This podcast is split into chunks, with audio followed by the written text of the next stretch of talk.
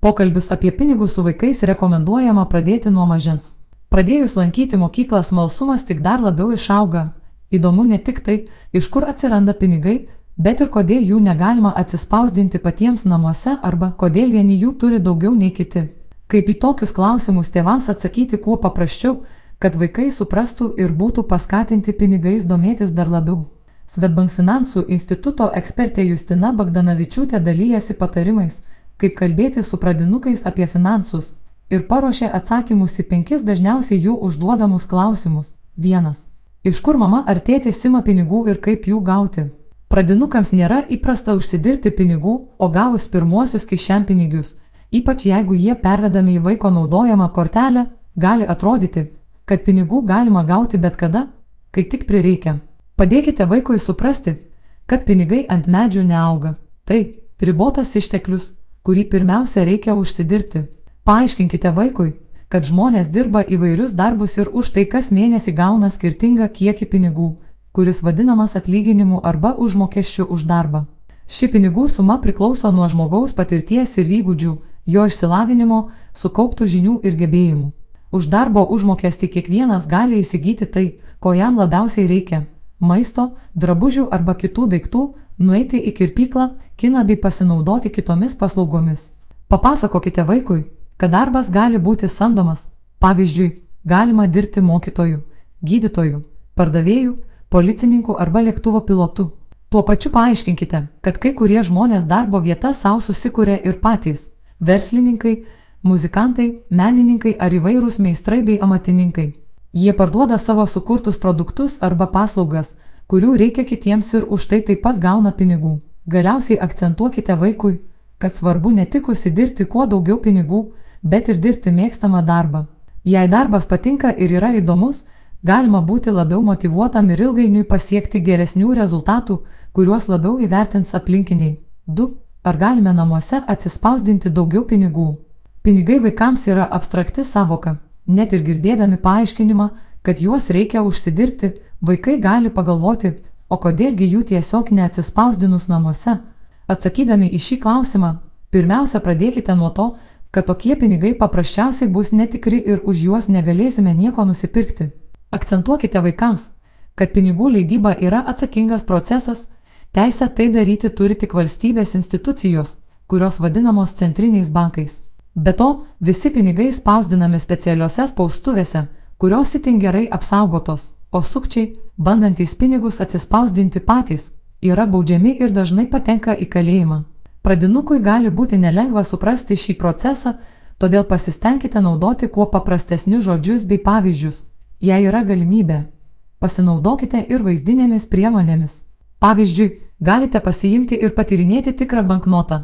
Parodykite vaikui, kad tai nėra paprastas popieriaus lapelis, jis turi įvairias apsaugos priemonės.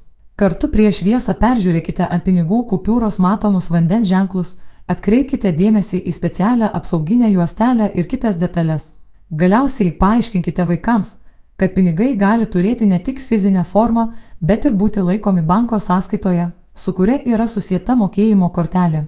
Parodykite, kad jūsų sąskaitoje esančių pinigų sumą galite patikrinti prisijungę prie interneto banko ar per išmanėją programėlę, o vietoje banknotų atsiskaitimams galite naudoti mokėjimo kortelę. 3. Kodėl negalima nupirkti šito žaislo? Pabandykite paaiškinti vaikui, kad kas mėnesį uždirbate ribotą kiekį pinigų ir turite gerai apgalvoti, kam juos skirti. Antrai pinigai tiesiog baigsis. Be to, kiekvieną kartą užsukusi parduotuvę įsigyti naują žaislą, kuris džiugins kelias dienas, nėra atsakinga ir tvarumo atžvilgių. Papasakokite vaikui, kad pirmiausia dalį pinigų skiriate būtiniausioms jūsų šeimoms reikmėms - maistui, drabužiams, būstui, elektrai, vandeniui, internetui ir kitiems namų mokesčiams apmokėti. Kitą dalį pinigų atsidedate taupimui bei nenumatytoms išlaidoms, o tai kas lieka skiriate ne pirmo būtinumo pirkiniams, pramogoms ar kelionėms. Šiuos išlaidų planavimo pavyzdžius galite paaiškinti per žaidimą. Paprašykite pačio vaiko sudaryti namų ūkio išlaidų sąrašą, kam ir kiek per mėnesį išleidžiama pinigų. Tada aptarkite tikrasias išlaidas, liekančią laisvą pinigų sumą ir kokių norų patenkinimų ją galite skirti. Paaiškinkite, kad vaiko trokštamas žaislas patenka į ne pirmo būtinumo prekių sąrašą. Todėl jei išleisite pinigus naujam žaislui, jų greičiausiai neužteks svarbesniems pirkiniams įsigyti. Kad vaikui būtų paprasčiau suprasti, kaip pinigai išleidžiami, galite nupiešti jam pinigų paskirstimo modelį skritulinės diagramos pavydalu bei joje iliustruoti jūsų šeimos gaunamas pajamas ir išlaidas. 4. Ar mes turtingi? Kas yra brangu ir kas yra pigu? Jau pradinėje mokykloje vaikai siekia suprasti savo ir savo šeimos vietą visuomenėje, pasilyginti su draugais ar bendraklasiais. Net jei vaikai yra girdėję savokas brangu ir pigu, perprasti joms gali reikėti daugybės pavyzdžių. Apibrėždami vaikui savokas pigu ir brangu, galite atsispirti nuo paprasto paaiškinimo, kad nusipirkti pigiai lengva, nes tam reikia nedaug pinigų. Pavyzdžiui, pigi gali būti guminukų pakuotė, mažas šokoladukas ar autobuso bilietas, kurį galima įsigyti iš piniginėje ar kortelės sąskaitoje esančių lėšų.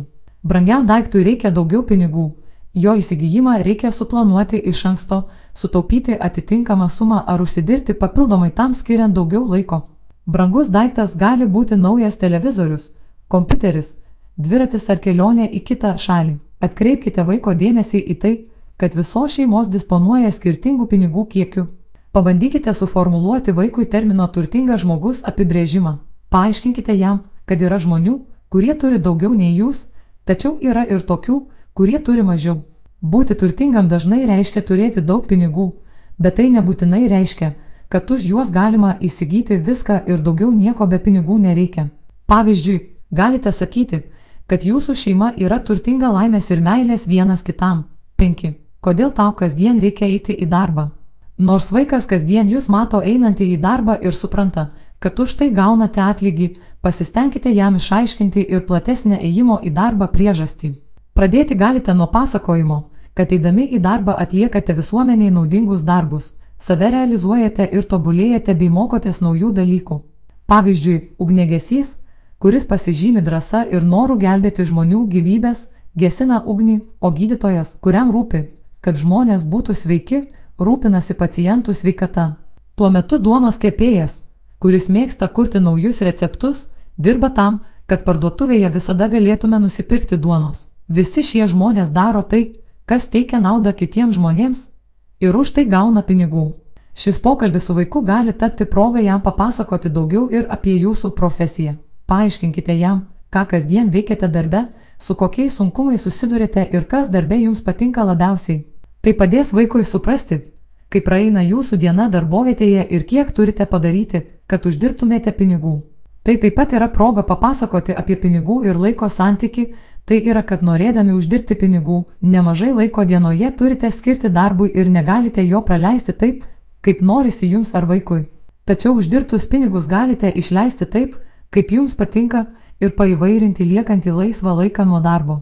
Be to, paskatinkite vaiką papasakoti apie kokią profesiją jis svajoja ir kuo ji būtų naudinga kitiems žmonėms, kodėl kiti žmonės už jo darbą norėtų mokėti pinigus.